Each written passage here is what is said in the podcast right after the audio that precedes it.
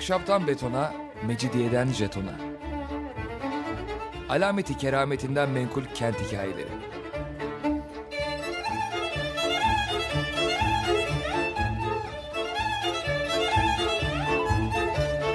Hazırlayan ve sunan Pınar Erkan.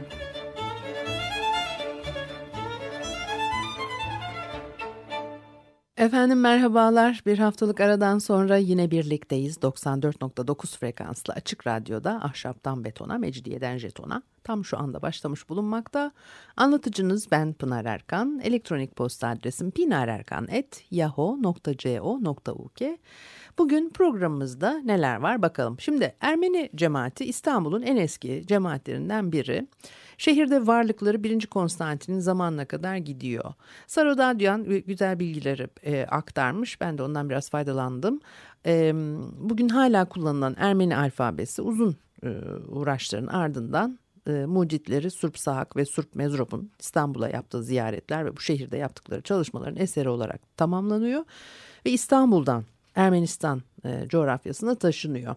E, Bizans devrinde e, şehir surları içerisinde Süryani Mikail'in e, Armenyon olarak e, andığı bir kilise e, inşa edebiliyorlar ve bu kilise 1081-1118 yılları arasında hüküm süren e, İmparator 1. Alexios'un saltanat yıllarına kadar ayaktaymış. Fakat sonra imparator sınır bölgelerindeki Ermenilerin Türk akıncılarına destek verdiğini öğreniyor ve kiliseyi yıktırıyor. Ee, Ermenilere ait tüm kutsal eşyalar da şehir meydanlarında e, yakılıyor. Ermeniler Bizans tarihi boyunca bir daha İstanbul surlarının içerisinde bir kiliseye dahi sahip, e, sahip olamıyorlar. Fakat 1261'de e, şehrin e, Latinlerden geri alınmasının arkasından Galata'nın işte tabii e, Cenovalı tüccarlarıyla yakın ilişkiler kuruyor. Kefeli Ermeni tüccarlar. O şekilde Galata'da 1391 yılında Surp Sarkis adıyla bir kilise inşa ediliyor. Galata'daki ilk Ermeni kilisesi.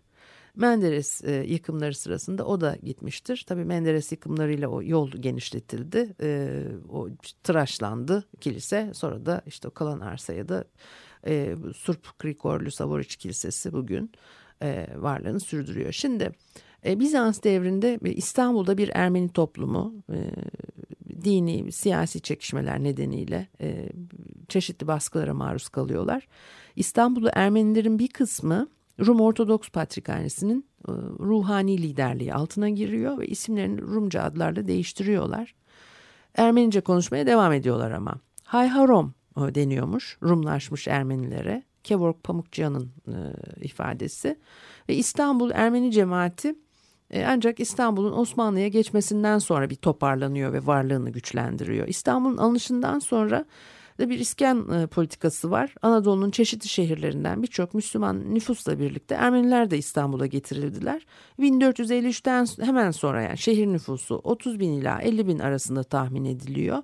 1478'e gelindiğinde 14.803 e, hane yani 70 bin kişinin üzerine çıkmış rakam. Bunların 817 hanesi Ermeni. Ee, Yavuz Sultan Selim ve Kanuni Sultan Süleyman devrinde Osmanlı hakimiyeti altına giren halkların bir kısmı yine İstanbul'da iskan edildi. Onların arasında da Ermeniler var. Şehir nüfusu böyle böyle artıyor. Ermeni e, şehirdeki Ermeni e, nüfusu ve tabii onunla beraber de şehir nüfusu da artıyor. 1786 yılına ait Ermeni kaynaklarına göre 1461'de e, Bursa Ermenileri Başpiskoposu e, Hovayim Fatih Sultan Mehmet tarafından İstanbul'a getiriliyor. Ve İstanbul Ermeni Patrikliği bu şekilde kuruluyor. E, kabul görmüş bir tarihtir bu. Kilisenin kendisi de kuruluş tarihini 1461 olarak veriyor. Fakat e, Sarodadya'nın farklı bir görüşü var. Çeşitli tarihi vakalar ve bulgular incelendiğinde İstanbul Ermeni Patrikhanesi'nin Kanuni Sultan Süleyman e, zamanında kurulmuş olmasının daha olası olduğunu söylüyor. E, e, Kanuni zamanında Eçmiyatz'in işte Klikya, e, Ahtamar Gatoigoslukları ile e, Kudüs e, Patrikliği yani dünya üzerindeki tüm Ermeni ruhani merkezleri Osmanlı hakimiyeti altına giriyor. Tüm bu e, ruhani makamlarla İstanbul arasında iletişimi sağlayacak yeni bir merkeze ihtiyaç duyuluyor. Kanuni'nin İstanbul'a e, getirdiği Ermeniler arasında en e, dikkat çeken grup 1554 Nahçıvan Seferi sonrasında Eyn'den getirilen Ermeni e, asilzadeleri. E, Van Ermeni Krallığı'nın devamı olarak kabul ediyorlar kendilerini. Çoğunlukla da sarraflıkla uğraşıyorlar. Ermeni Kilisesi içinde cemaatin ve kurumlarının idaresi hiçbir zaman e, ruhanilerin tek elinde kalmıyor. Cemaatin önde gelen sivil isimleri her zaman yönetimde söz sahibi. İstanbul'u geldikleri yıllardan 19. yüzyılın ortalarına kadar İstanbul Ermeni cemaatinin idaresini de Kanuni'nin eyinden getirdiği bu asilzade sınıf üstleniyor. Bu sınıfa e, mensup kimseler genellikle zanaatkarlar ve büyük çoğunluğu sarraf ve kuyumcu. Osmanlı yönetimi diğer sarraflarda olduğu gibi Ermeni sarrafları da hoca veya hacı sıfatlarıyla adlandırıyor. Küçük bir zümre Çelebi olarak anılmıştır. Bu küçük e, zümre nesiller boyu darphane amire gibi bir kurumu elinde bulunduruyor. İmparatorluğun kültür hayatında da son derece etkiler. E, sınıfın maddi manevi gücünün en büyük kaynağı iltizam sistemi. Herhangi bir kimsenin iltizam hakkı alabilmesi için de merkezin bildiği, güvendiği bir sarrafı kefil olarak göstermesi gerek. E, iltizam hakkına sahip olanlara mültezim e, deniyor. Mültezimlerle merkez arasında bu anlaşmayı sağlayan aracı sarraflarda genellikle Ermeni cemaatinin işte üst sınıfını oluşturan isimler. Mültezimler e, nüfus sahibi o devirde Onlara kefil olan sarraf aynı zamanda servetlerini de idare ediyor. Yani taşrada güç kudret sahibi önde gelenlerin bir anlamda merkezdeki ketüdası rolünü oynuyorlar. Fenerli beyler gibi çeşitli görevlere tayin olmadı onlar ama kefil oldukları devlet adamları vasıtasıyla dolaylı olarak bir iktidara sahip olabiliyorlardı. Nitekim cemaat içindeki çeşitli ihtiyaçların karşılanmasını sağlayan örneğin bir kilisenin onarımı yahut bir patriğin görevden aldırılması gibi konularda etkili olan isimlere baktığımız zaman da bunların hepsinin o devrin vezir azamının veyahut da nüfuzlu isimlerin bir tanesinin sarrafı olduğu görülür. E, bir İngiliz diplomatı Urquhart Osmanlı hatıralarında e, söz ediyor. Ermeni sarrafların kefil oldukları ve maddi anlamda destekledikleri paşalar sayesinde her türlü iktidara sahip olup istediklerini yaptırabildiklerinden ve gerektiğinde sultanlara dahi borç vererek imparatorluk ekonomisinin desteklediklerinden söz ediyor. Ee, diğer gayrimüslimlerin ödemek zorunda olduğu vergilerden muaf tutuluyorlar. Çünkü zaten devlete hizmet ettikleri için. Bunun yanı sıra e, diğer gayrimüslimlere getirilen yine kısıtlamalar bu üst sınıf için geçerli değil. E, silah taşıyabiliyorlar. Hatta gerektiğinde emirlerinde silahlı adam bulundurabiliyorlar. Kıyafet konusunda da diğer gayrimüslimlere getirilen kısıtlamalar onlar için geçerli değil. Kıyafetlerinde de kürk gibi servet, itibar göstergesi, lüks malzemeyi kullanabiliyorlar. At binip sakal bırakabiliyorlar. Önemli davaları söz konusu olduğunda da kadı tarafından değil, Divanı Hümayun'da e, sorgulanıyorlar ve konutlarında da e, yine e, bir takım kısıtlamalardan muaflar. E, 1847 gibi geç bir tarihe kadar Ermeni cemaatinde yani şu veya bu şekilde ruhani bir meclis e, mevcut değil. Cemaatin tüm e, kurumlarının her türlü idaresi ve korunması Patriğin e, ruhani başkanlığı altında Ermenilerin amira olarak e, andıkları o sivillerin e, sorumluluğunda. E, Patrikhane bünyesinde bir e, Amiralar Meclisi mevcut ve sayıları tarih boyunca işte ne olmuş? 10-12 olmuş. 10 ila 24 hani böyle bir e, katlarla giden e, sayılar arasında değişen bir sivil meclis. Cemaatle ilgili e, hemen her karar hatta yeni psikoposların işte taktis tayini gibi ruhani kararlar dahi bu Amiralar Meclisi tarafından veriliyor. Amira Arapçada prens anlamında emir kelimesinden türetilmiş bir sıfat. Ee, Ermeniler cemaatin idaresini işte ellerinde bulunduran üst sınıfı ağırlıklı olarak bu isimle anıyorlar. Devlet tarafından verilen ve kullanılan bir ünvan değil.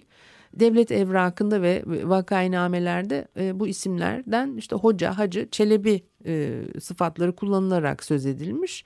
E, sadece e, cemaat içinde e, bu isimlerin imtiyazlı mevkilerini göstermek için kullanılan onursal bir sıfat olarak karşımıza çıkıyor. Bir ara verelim ondan sonra devam edelim.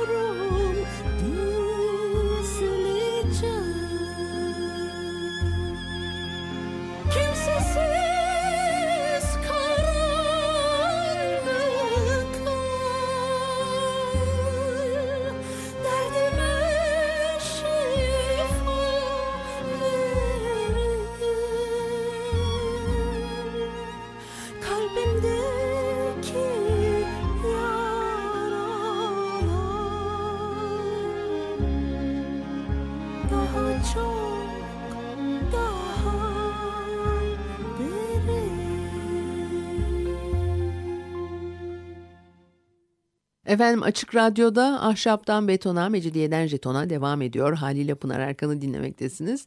Şimdi, e, e, Ermenilerin İstanbul'daki e, yerleşiminin, cemaatin gelişimi ve Amira sınıfından biraz söz ediyordum. Şimdi e, onların e, yöneticisi, e, cemaat içinde kararları alan sınıf. Amira sınıfı bir kan aristokrasisine dayanmıyor. Önemli olan devrin nüfuslu, hatırı sayılır zenginlikte isimlerinden biri olmak. Örneğin Surp Pırgıç Hastanesi'nin de kurucusu ve Amira sınıfına mensup kimselerden en çok adı bilinen Kazazartin Amira Bezciyan.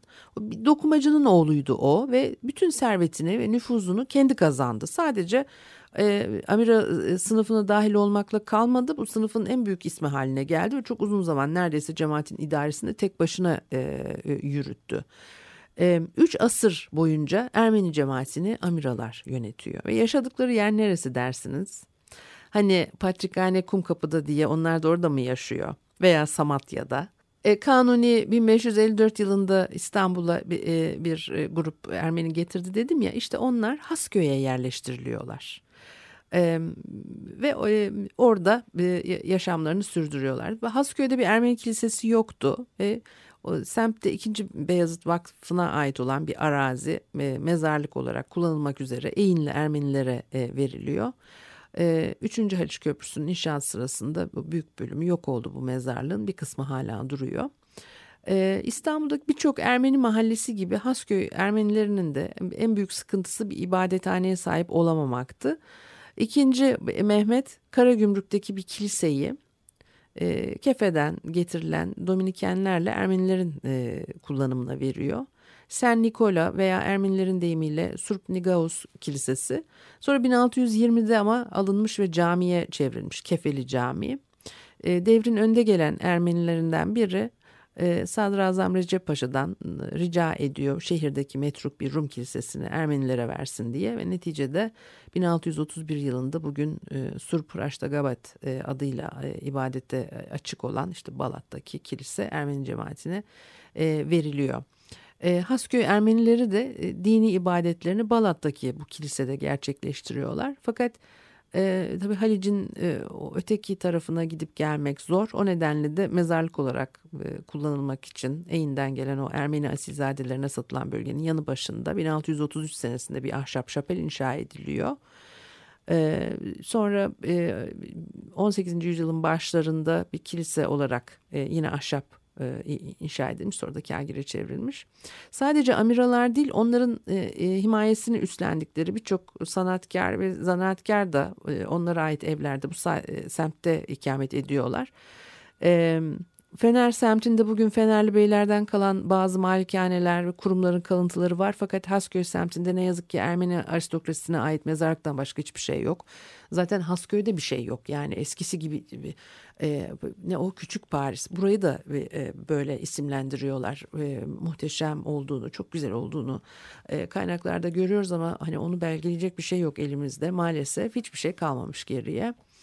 Ee, ve bu amiraların bölgede inşa ettirdikleri konakların ne zaman e, yıkıldığı hani çok net değil ama eski bir tarih olduğunu anlıyoruz. Bir kere fotoğraf yok hiç o döneme ait.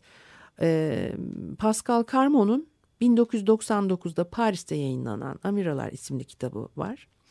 Ee, o bir Fransız diplomatı işte geçmiş yıllarda e, vefat etmiş. Anneannesi bir Amira ailesinden geliyor e, çocukluğundan beri anneannesinden dinlediği İstanbul Ermenilerinin e, üst sınıfına e, dair hikayeleri e, kitapta e, aktarmış.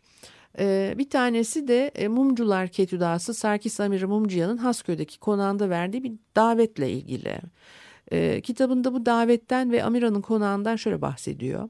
Hasköy'de mum ticaretini tek elinde bulunduran Sarkis Amira Mumcuya'nın İtalya'nın Carrare şehrinden getirtilen özel mermerlerle inşa edilmiş sarayı vardır. Etrafı büyük bahçelerle çevrili olan ve tüm odaları Haliç'e bakan bu saray, dört büyük konaktan müteşekkil geniş bir komplekstir. Bu konakların birbirine yine geniş bahçeler ve özel yollar bağlar. Sarayın güvenliği ise bekçi denilen özel korumalar tarafından sağlanır. Ayrıca bu saray tüm Mumcuyan ailesinin konutu değil, sadece Sarkis Amira'nın ikametgahıdır. Amira'nın kuzenleri ise yine Hasköy'deki kendilerine ait görkemli saraylarında yaşarlar. Sarayın ziyafet salonunda verilen davette büyük bir büfe vardı. Altın işlemeli örtülerle kaplı büfedeki kaplar gümüştendi. Bu ziyafetlere salondaki dansçılardan başka kadın katılmaz, yemekleri ise şalvar giymiş genç çocuklar servis ederdi. Amira yanına oğlu olduğu halde tüm misafirlerini kapıda karşılar ve hususi selamlamalarla evine buyur ederdi. Davette kullanılan tabaklar özel olarak imal edilen İznik ve Kütahya porselenleri, çatallar bıçaklarsa Fransa'dan getirtilerek Şam'da İslami motiflerle süslenen 16. Louis tarzı takımlardı. Birçok koyunun kesildiği ziyafette birbirinden leziz şaraplar, bohem kristal kadehlerle servis ediliyordu. Yemeğin sonunda gelen Türk kahvesinin sunulması ise başlı başına bir törendi. Dantellerle örtülü gümüş tabakların içerisinde getirilen kahvelere özel bir şişeden çiçek tadı veren leziz likörler damlatılıyordu. Yani çok güzel. Ah yani yok o saray yok hiç izi bile yok. E, cemaat idaresinde e, amiraların meclisini e, iki yüzyıl uğraştıran en büyük sorunlardan bir tanesi de Ermenilerin e, Katolikleşmesi. 1622 yılında misyoner yetiştirmek üzere Congregato de Propaganda Fide isminde özel bir okul kuruluyor. Bu okula kabul edilen öğrenciler çok küçük yaşlarda alınıyorlar. Uzun yıllar e, yetiştiriliyorlar çalışmaları öngörülen milletler için. E, ve zamanı geldiğinde de misyoner olarak çalışacakları bölgelere gönderiliyorlar. Okulun kurulmasından kısa bir süre sonra 1640'da Ermeniler arasında çalışmak üzere yerleştirilen Clement Galano isimli bir teaten keşişi İstanbul'a geliyor Patrikhane'de ve Galata'da e, görev alıyor. E, çocuklara dersler veriyor. Kısa sürede büyük başarı elde ediyor. Cemaat içindeki mezhep değiştirmeler sadece sıradan halk arasında değil amiralar arasında da yaşanıyor.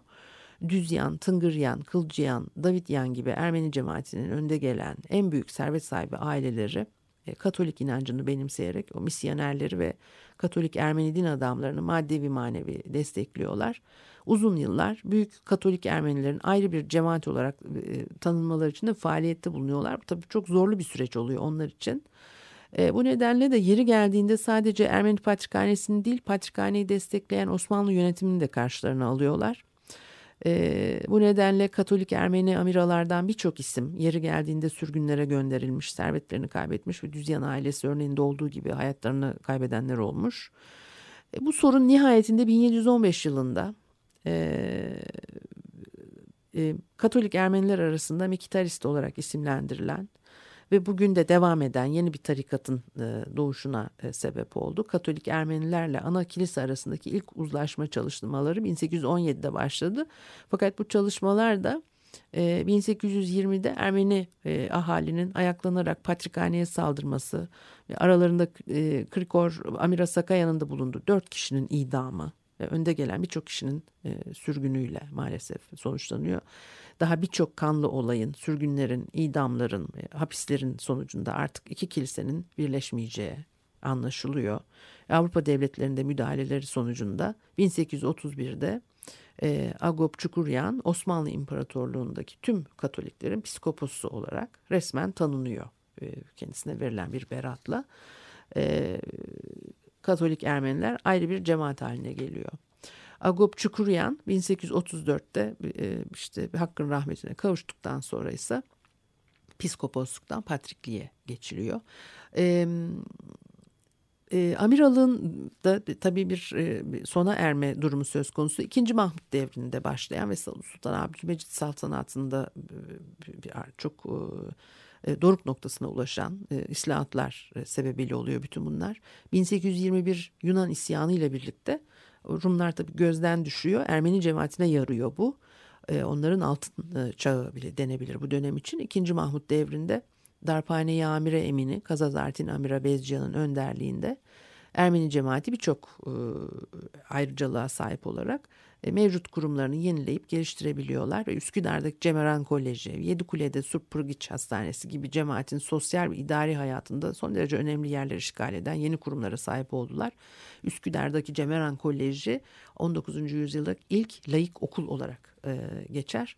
E, e, onun için de çok önemliydi. Bu e, eğitim hareketlerinde de Ermeniler çok hızlı e, e, hemen e, adapte oluyorlar ve e, dolayısıyla Cemeran Koleji de bu o sürecin bir başlangıcı olarak karşımıza çıkar. İkinci Mahmut'un işte o kılık kıyafet reformuyla birlikte amiralarda bir takım e, e, imtiyazlarını dolaylı olarak kaybetmiş oluyorlar. E, fakat darphane emini, işte saray sarrafı, hassa mimarı, barutçubaşı gibi devlet hizmetindeki isimlerin e, statülerinin toplum içinde yine de belli olabilmesi için bu kimselere fes nişanı taşıma imtiyazı e, verilmiş. Hatta e, Alexander Mavroyeni'nin hatıralarında kaydettiğine göre Kevork Amira Eramyan, Mısır valisi Kavalalı Mehmet Ali Paşa'nın sarrafı olduğu için diğer sarraflardan daha büyük bir altın fes nişanı taşıma imtiyazına sahip olmuş. E, amiraların sahip oldukları e, e, bir iktidarı e, tabii kaybetmeleri e, o reformların sonucunda. Eskiden cemaatin hemen her türlü işi için amiralar bizzat paşalar hatta sadrazam vasıtasıyla fermanlar elde edip e, işte böyle bir hani iktidara sahip olabiliyorlardı.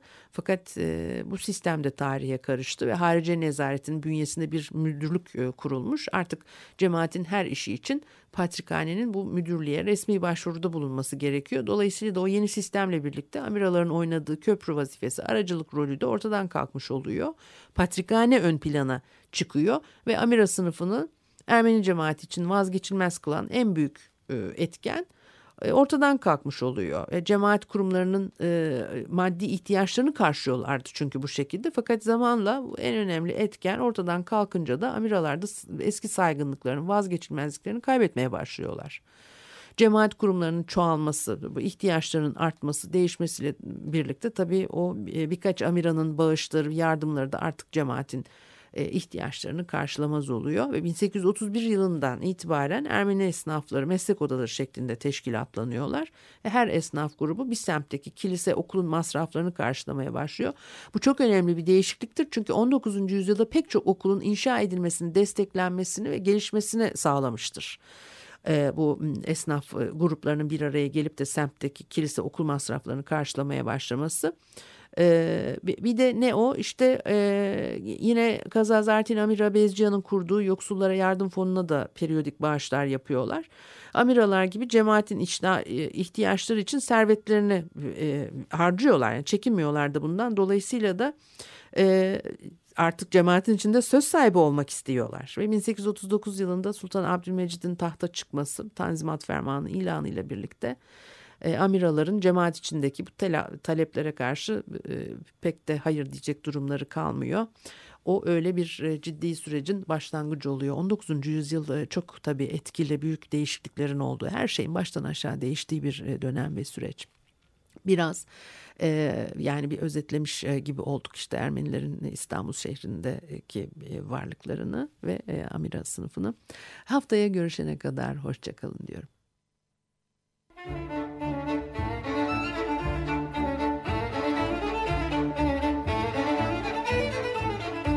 Ahşaptan betona, mecidiyeden jetona. Alameti kerametinden menkul kent hikayeleri.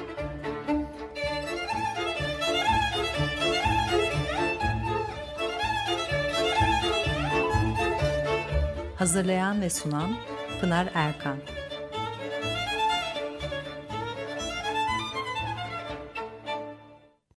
Açık Radyo program destekçisi olun. Bir veya daha fazla programa destek olmak için 212 alan koduyla 343 41 41